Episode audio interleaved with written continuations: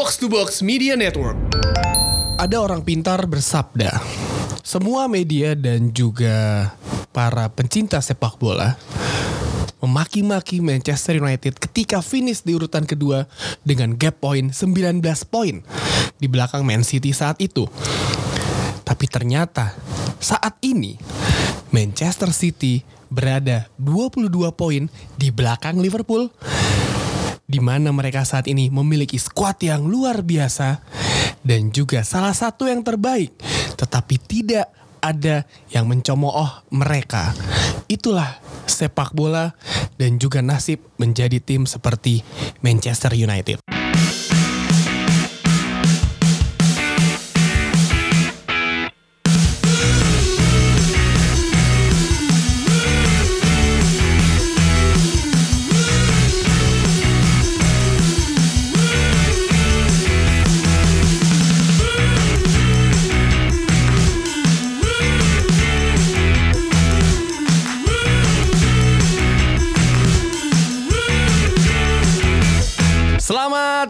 Kembali di Box to Box Football Podcast pada episode kali ini. Ya selamat datang buat lo harusnya. Ya, saya kan dari absen, heeh. Manila. Kemarin abis dari Mabuk Hai Ada gua Tio kembali sebelum harus absen eh, selama 13 hari ya eh, Dua pekan lebih Dan juga ada Dex, apa kabar Dex? Alhamdulillah baik. Kemarin episode Kobe Bryant lancar ya Lancar. Lumayan ya Eh, Sebuah topik yang Gue dengerin segmen satu lu seperti terbingungan Mau bahas apa Tapi memang seperti itu kita kemarin menjawab semua pertanyaan orang-orang Eh, Jangan MU mulu dong Kita gak bahas MU Bahas Kobe Bryant Kobe Bryant. ya kan Ada kesayangan aku nih Coach Justin Apa kabar Coach? Baik. Gimana kemarin eh, ulang tahun Selamat ulang tahun juga Eh buat, bukan ulang tahun ya Selamat 100 episode buat DPI ya Coach ya Ya, Neng, terima kasih. Keren banget. Buat YouTube gue juga ya. Woi, Yo, 100 ribu subscriber. Kita tuh di sini, ya. kita tuh di sini sesama rekan-rekan satu profesi tuh kita tidak ada saling eh, kejar-kejaran, tidak saling sikut-sikutan. Kita semua teman. Iya kan? Kita saling mendukung malah. Mendukung lah. Iya. Dan gue minta maaf Wats, gak bisa datang ke DP karena mesti mengejar pesawat ke Iya. Manila. Tapi eh, selamat sekali lagi buat eh, Valen Jebret, Coach Jason dan kawan-kawan yang yang membuat orang-orang terbuka siapa saja mungkin bisa mengerti, bisa bilang mereka mengerti sepak bola, tapi ternyata tidak semua orang bisa tahu bisa tahu cara yang baik ngomong di depan mic. Bukan begitu Coach? Iya, di Karena- depan mic dan di depan kamera. Iya karena karena gini sebelum kita ngebahas ini eh, eh, eh, pertandingan, gue kemarin MC yang sebelum eh, ADP ada Iya. Sabtu hari juga datang Iya, kan, iya, iya. acaranya Mola gitu sama Pange. Ya mereka sangat siap sekali untuk menjadi presenter, host lah, Sportcaster. sportcaster ya. Tapi pakai bahasa Inggris pula. Woi Iya. mantap. Aku aku suka apa namanya eh, usaha mereka ya Iya, kan. iya, iya, iya. Tapi ternyata nggak semudah yang kalian apa eh, pikirkan Ferguson ya kan. Mungkin kalian ngerti sepak bola tapi ternyata eh, mungkin kalian suka sepak bola ya kan. Tapi ternyata ketika kalian mengimplementasikan sesimpel untuk ngomong ataupun nulis, Dex Ya. lu pasti ngerti banget kan. Nulis sama ngomong aja beda. Iya kan? Itu tidaklah gampang. Bukan begitu coach, benar nggak? Ya justru di di di DPI karena kita kesel sama Pandol, pandit online. kita undang kan. Kita undang berkali itu gue gue injek-injek semua itu. Mantap. Jadi mereka semua merasa dirinya ngerti dan kalau lu baca komen-komen di YouTube gue dan merasa paling ngerti semua. Padahal 0,0. Memang seperti itu. Sama kita sak- karena kita dua-duanya bekerja di sebuah website olahraga sepak bola, ya kan next. Eh, ketika lu mencari orang, gue inget ketika gue di Manila kerja di sana, banyak orang ngirim CV ya kan, tapi ternyata eh, eh, eh, eh, disuruh nulis berbanding terbalik dengan CV-nya dia. Iya, Saya suka betul. sepak bola. Ternyata mereka nulisnya jelek, ya kan? Lu coba sih Iya, merasakan hal itu kan? Iya, soalnya apa apa yang apa yang lo pikirkan sama apa yang lo perbuat tuh nggak kadang-kadang nggak sinkron gitu. Makanya hal hal termudah untuk orang bisa naik level dari yang tadi yang mau jadi expert jadi ya selangkah lebih naik lah ya itu mencoba nulis sebenarnya. Iya. Nulis acak-acakan gak apa sih itu awalnya. Awal. Karena gue juga dulu gitu. ka- kalau lu lihat dari dulu presenter dan host sepak dan komentator sepak bola itu kan itu itu aja sebenarnya. Iya, emang. Itu teman-teman kita juga. Dan dan gue Kena- kemarin bilang gini coach, eh, ke- sorry gue potong, gue bilang eh, eh, karir menjadi host dan komentator olahraga itu career span-nya panjang.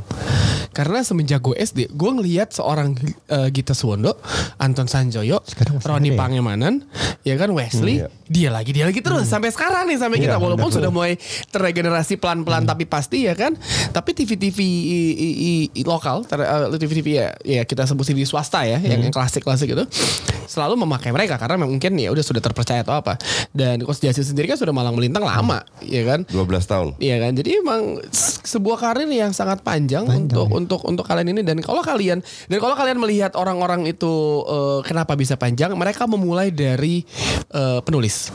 Kalau Coach Jasin juga ini pelatih ya kan, iya, iya. Eh, wartawan, pelatih, Iya ya. wartawan banyak. Kan. Terus kita ada dulu kan Oh di BN ada Ian Tumena ya kan? Eh, Imran mantan pemain. Maksudnya dari itu Dan yang menarik adalah Gak semua orang tuh juga bisa jago nulis Ya kan? Tapi gue sangat salut dengan Coach Jasin Tadi gue ngobrol Dengan orang Spotify eh Jasin YouTube-nya kenceng juga ya? Kenceng Ya kan? Gue bilang eh, Dia ngedit sendiri. Ngedit sendiri. Masukin. Wah keren banget. Umur 50 tahun kalau eh, 52. 52 kalau misalkan malam ngerokok sambil minum Coca-Cola. Dapat paling- endorse pula. Iya, itu dia. Dan ini emang gue eh, ketika lu bisa belajar learning by doing, iya itu itulah saat yang harusnya lu lakukan untuk menjadi komentator sepak bola. Ya nggak coach? Ya, orang berpikir menjadi komentator itu, oh ya lu tahu strategi, lu udah eh, hafal data pemain siapa, eh, lu lu hafal hafal prestasi klub yang dulu apa, itu kan salah besar. Gue itu kan paling malas data, dan dan, dan gue kalau ka- kalau lu adu data pun gue gue yakin gue pasti kalah.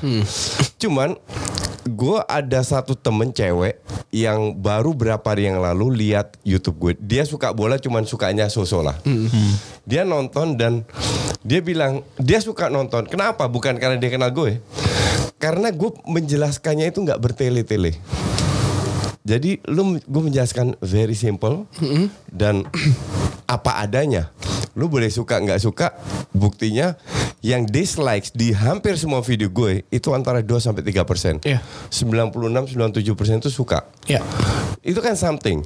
Nah, bahwa 2-3 persen itu mungkin 100-200 orang, m- mereka mulutnya kan kayak co- comberan, ngerti nggak lo? Yep, yep. Toh ujung-ujungnya, gue harus fokus ke 97 persen itu. Exactly. Makanya kalau banyak yang minta, ya gue bikinin. Terus datang lagi datang lagi lagi yang nggak suka itu. Kenapa? Iya. Kenapa datang datang datang lagi kalau nggak suka ya? ka- karena mereka nggak punya kehidupan, kesian gitu. loh. Dan mungkin besar nggak yang nggak suka itu orangnya sama ya kan? Iya, sama, betul, betul. Sama seperti lu Dex, kita lo nulis ya kan, lu nulis sebuah artikel eh, yang hasilnya pun ternyata kok kayak gini ya orang-orang tuh pada protes ya kan? Iya. Ini yang protes depan gue. Iya kan?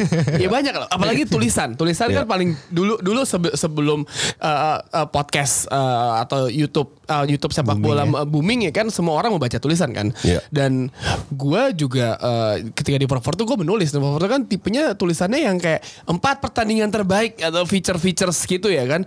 Dan banyak banget yang misalkan uh, bertanya dan keabsahan sebuah fakta dan hasilnya kan emang emang di, dari tulisan kan benar-benar bisa dicek berkali-kali. Lu juga pernah nggak Dex, peng- pengalaman ada orang protes sama tulisan lu? Banyak, Iya, banyak pasti. lah pasti lah. Banyak. Yang paling lu inget lah. Gue. Iya. Tapi itu ya gue jelaskannya dengan data ya. Mungkin perspek- perspektif kita beda aja sih. Iya. Nah. Tapi emang orang be- eh, berpikir tentang data sangatlah berbeda kayak gua sama Justin, Iya. gua sama Iya, Dex. sebenarnya gue sama Justin tuh beda banget. Beda banget. Iya. Gua orang yang ya percaya data, iya percaya eh, eh, keberuntungan juga iya, ya kan.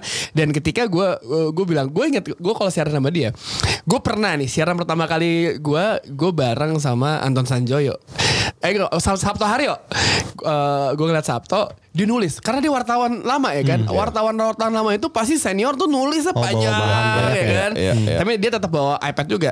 Dan kata dia, gue nggak bisa secepat loh untuk mengganti eh, tab-tab di iPad itu. Jadi gue nyatet karena gue tahu catatan gue di mana. Dan itu terlihat dari semua orang. Gue mencoba untuk menulis, ya kan, seperti yang mereka lakukan. Ternyata nggak bisa, nggak nggak kepake. Gue pakai iPad. Begitu juga dengan Justin. Menurut gue Justin ini orang yang keep up dengan teknologi. Dia pakai iPad dong, baca baca dan cepat ganti-ganti ya. Berarti kan itu ya di, di, di saat orang eh, wartawan senior yang umurnya seumuran dengan Coach Justin menulis, ya kan, karena mereka tidak mau membuka iPad, karena Justin mesti menggunakan iPad. Gaptek lah istilahnya. Jadi kan emang apa orang approach-nya beda-beda, ya Coach? Iya, iya betul. Dan kayak kayak kayak kayak gini lah handphone ini ada di meja. Orang akan bilang ini apa? Ini handphone. Ini apa? Ini plastik. Ini apa? Ini hitam. Jadi tiga tiga benar cuman dari perspektif yang yang berbeda. Yang jadi masalah kenapa feeling gue orang suka lihat video gue? Karena gue selalu melihat dari sudut pandang yang berbeda. Iya, iya. Bukan untuk disengaja, tapi emang gue orangnya begitu aneh, lain dari yang lain, anti mainstream. Karena karena gini, ketika lu uh, uh, uh, kenapa lu mendengar tetap mendengarkan box to box Puzzle podcast, lu akan mendapatkan sesuatu yang gak lu dapatkan di DPI dan juga di artikel-artikel. Iya. Karena lu bisa mengakses uh, informasi segitu banyak sekarang kan. Iya. Ketika lu buka website kayak misalkan uh, uh, Fox, Fox Sports ya, buka jangan lupa foxsports.co tadi kemarin kita dapat KPI bagus, alhamdulillah ya kan. Uh, misalkan dulu for for tuh uh, pandit dan lain-lain. Itu kan lu bisa mendapatkan semua yang lu butuhkan kan. Tapi lu pasti orang aduh semuanya sama dan ketika lo mendengar box to box podcast dan juga menonton DPI mendapatkan sesuatu yang Iya. nggak ada di tempat lain Gue tampil di box to box beda sama tampil di DPI. gue tahu eh, eh. Beda sama di TVRI, Beda sama di beda YouTube. sama di UCTV, beda sama di YouTube. Jadi kalau lu merasa oh gue dapat info udah ada di YouTube atau udah di box lu salah. Lu harus ngelihat karena gue selalu tampil beda bukan karena gue sengaja beda, karena partner gue juga beda. Karena- topiknya beda, sudut pandang undi lihat itu berbeda. ya kan Iya, karena Justin ketika di TV bukan Justin yang kita kenal Iya. dan Banyak yang bilang gitu. gue ingat banget ketika musim lalu kita siaran bertiga gue lupa pakai ya kan Iya. itu semua ngerem semua itu ngerem eh, apa namanya eh, Apalagi di BIN. Iya kan apa Oh, Ngerem, kencang iya. banget. Mau ngomong kasar gak bisa, tapi sering banget tiba-tiba pakai mengeluarkan pertanyaan-pertanyaan kayak ee -e gitu tetap Iya. kita jawab dengan bercanda. Jadi emang setiap Sedikit ada bercandanya, cuman tetap ngerem. jadi i- kalau kalian menjadi referensi dari seputar sepak bola bisa mendapatkan banyak eh, banyak banget. Salah satunya di Box to Box Bola Podcast, podcast eh, terbaik eh podcast sepak bola terbaik di Indonesia saat ini. Iya. Iya kan? Ada gue Justin Dex dan juga Pangeran. Kita akan kembali di segmen 2 membahas Premier League setelah yang satu ini. C macam ada iklan aja.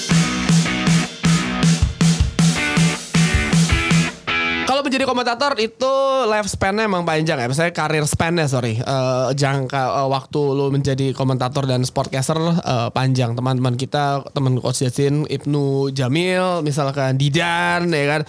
Pange sudah memutuskan pensiun, cuma bisa didengarkan di Box Box Flow Podcast kalau ada sponsor. Emang. ya kan? Eh, eh, eh, tapi yang eh, menarik adalah eh, karir panjang dari seorang Ole Gunnar Solskjaer ini ternyata masih diperpanjang ya kan. Sudah mendatangkan seorang Bruno Fernandes ya kan. Gue gue jujur gue nggak menonton pertandingannya karena saat itu gue sedang ada di eh, ibu kota Asia Tenggara. Ya kan? Asia Tenggara. Manila ya kan ibu kota Asia Tenggara. Gue eh, menonton sebentar karena jelek lah sinyalnya. Jadi gue cuma nonton sebentar. Gue beruntung tidak menonton saat itu karena semua orang bilang bang bagus tuh nggak nonton ya kan. Sakitin hati karena nonton pagi-pagi gitu mainnya ya kan. Gue melihat Gue nonton. gue gue ini dari perspektif gue dulu ya sebelum ke sebelum ke lu sama ke nih dari perspektif gue gue gue baca gue coba baca statistik ya kan gue buka statusan gue apa yang salah yang salah adalah ketika kalian memiliki gelandang serang yang sangat bagus mumpuni seperti Bruno Fernandes tapi kalian mainkan sebagai defensive midfielder itu tuh titit combro emang ya kan Terlalu deep memang. Sebenarnya gue bilang mereka nggak main buruk. Nggak, jelek kan? Iya, iya, iya, jelek. Mereka bekerja kelihatan bahwa pemain itu bekerja keras. Cuman terlalu banyak otot sedikit otak. Iya. Jadi permainan yang ditunjukkan itu very textbook dan sangat gampang dibaca. Wolves lebih jelek lagi mainnya. Pas- Tumben, passingnya tumben. itu banyak yang ancur-ancuran. Dan terutama pada saat mereka berada di depan gawang, Bingung. shootingan dan passingnya itu nggak nyampe. Iya, gua- Atau bingung. Kalau gue lihat Man United sama Wolves ini sama karakteristiknya sama-sama tim yang mengandalkan counter attack. Betul. Dan kemarin tuh gak bener-bener gak jalan permainan jalan. gara-gara kayak gitu. Dua-dua nggak jalan. Iya, Dua-dua nggak jalan. Dan gue jujur gue hanya menyaksikan highlights yang 10 menit lah di YouTube yang komentator ganti-ganti bahasa Arab, bahasa Spanyol, apalah itu ya kan. Gue melihat uh, uh, United kebanyakan melepaskan tembakan dari luar kotak penalti. iya. Bruno Fernandes lah. itu tipikal eh, eh, it- itu kalau kalau kalau kalau gue bilang tipikal kayak Leicester. Leicester itu selalu shotnya banyak karena itu memang Iya, strategi mereka. Iya. Justru gue bilang ini karena frustrasi karena tidak bisa melakukan kombinasi di kotak penalti atau miskin taktik. Udah dua pilihan itu aja. Dan kalau gue tidak pernah bilang Bruno Fernandes jelek, tapi gue tidak yakin dia adalah orang yang bisa membawa MU ke level berikutnya. Nah, kalau menurut lo Dex, kalau misalkan Bruno fit, terus Paul Pogba fit, Scott McTominay fit, Ya nih if, if Fred skenario ya. if if skenario, if tiga pemain itu fit ya kan, tambah Fred lah ya, apakah ini akan menjadi uh, problem solve bagi Manchester United nggak di ke depan hari ya? Ya gue di atas kertas sih harusnya iya cuman ah, ah, Rashford terutama Rashford juga tadi lo nggak nyebut. Oh Rashford. iya, Ah. tanpa Rashford menurut lo gimana coach? Ngaruh Ya, banget nggak? Ngaruh. Ngaruh. Ngaruh, karena Ma- Martial itu selalu main jelek kalau nggak ada Rashford. Iya, dia nggak bisa ngebuka Always break. like dia nggak bisa dia, breaking. Dia itu benar-benar sebenarnya masalahnya MU itu sama dihadapi oleh Arsenal dan Man City. Hmm. Mereka punya pemain bagus di atas kertas striker, tapi tiga-tiganya nggak bisa cetak Eh, parah, gol. Arsenal parah banget. Iya, Nggak bisa cetak gol. Iya, iya. Lacazette, Auba ancur-ancuran. PP saking hancurnya dicadangkan. Daniel James, eh, Daniel di Martial, ya itu Ferreira ancur-ancuran. Ferreira Nggak, sama harusnya Martial- gol itu dari mereka. Iya, dan gue gini, gue melihat Bruno Fernandes itu kan memiliki uh, uh, uh, range long pass yang bagus dan visi yang bagus ketika Iya. di Sporting ya kan. Terus gue ngelihat artikel tentang dia, posisi dia di mana harus dimainkan. Beberapa pertandingan dia bermain di formasi 4-3-3 Sporting dia melebar ke kanan memang, tapi nggak deep banget ya kan. Berapa dan lebih sering dia main di bawah striker, jadi pemain nomor 10 karena itu posisinya dia. Kemarin box Ya to kan? box ya. Box to box. Kemarin gue gue lihat ada yang kurang di situ ketika Fernandes main wide kan backnya udah ketarik ke Wolves. Cuman nggak ada yang manfaatin ruang di situ. Harusnya nggak- Lingard. gitu. Pergerakan tanpa bolanya Nah, nggak itu itu dan dan itu juga dia alami oleh Man City. Man lawan City si- ma- lawan Spurs. lawan siapa pun Oh. main nggak jelek cuman tergantung oleh Agero Sterling udah kayak sampah udah puluhan match kayak sampah musim ini Iya sih. Sane cedera Ben Bernardo Silva ups and down Mares baru-baru aja dipasang tapi lu tidak bisa terlalu ngandelin Agero Ya. Agero juga manusia Ya. Gapsus susah juga cetak gol Gapsus. Dan nggak ada lagi, nggak ada lagi jadi, strikernya. jadi yang Selain jadi itu. exactly yang jadi masalah dengan City bukan permainannya, tapi yang bisa cetak gol. Nah, ngomong kita lagi ngomongin City. Eh, pertandingan semalam City lawan Spurs. Eh, ini menarik sih, gue melihatnya. Eh, Mourinho kembali dengan tiga tembakan dan dengan Iya. dua gol yang nyetak gol. Exactly. Lawannya Spurs itu 18 nggak ada bagus-bagusnya. tembakan. Justru di bawah Mourinho tambah hancur. Mereka memiliki segala bumbu untuk membuat mak- makanan ini jadi mm, top chef bin- bintang 5. Kalau yang meramu top chef. Tapi ini koki jalanan, ngerti nggak? yang yang jadi dengan bumbu-bumbu kelas 1 jadi makanan jalanan. Iya, Tapi hasilnya Tapi sekali-sekali Iya, hasilnya sekali-sekali gue bilang. Iya. Kenapa? Karena mereka itu kayak MU sangat bagus dengan reaction football. Iya. Pada saat lu harus melakukan mengambil inisiatif men- menjadikan action football lawan tim menengah ke bawah selesai. Sebenarnya gue lihat eh, permainan Spurs lawan City dengan Spurs lawan Liverpool tuh hampir sama, tapi outputnya aja yang beda. Hasilnya yang Kemarin, berbeda ah. kan. Iya, Gua- reaction football Sama kan. cerita-ceritanya juga Iya, beda kayak Iya, back gua line, iya. Golin Se- gitu. Sekarang yang jadi masalah kan kalau mereka ketemu kayak Burnley, kayak Bournemouth, kayak kayak eh, Everton atau apa yang lebih cenderung bertahan Brighton kan kesulitan mereka. Nah, gua ngelihat ketika Mourinho memegang Spurs ya, dia mencoba untuk menjalankan apa yang sudah dijalankan oleh Pochettino. Tapi memang ternyata gak cocok sama otaknya dia. Nggak nyampe otak bukan nggak cocok otaknya nggak nyampe.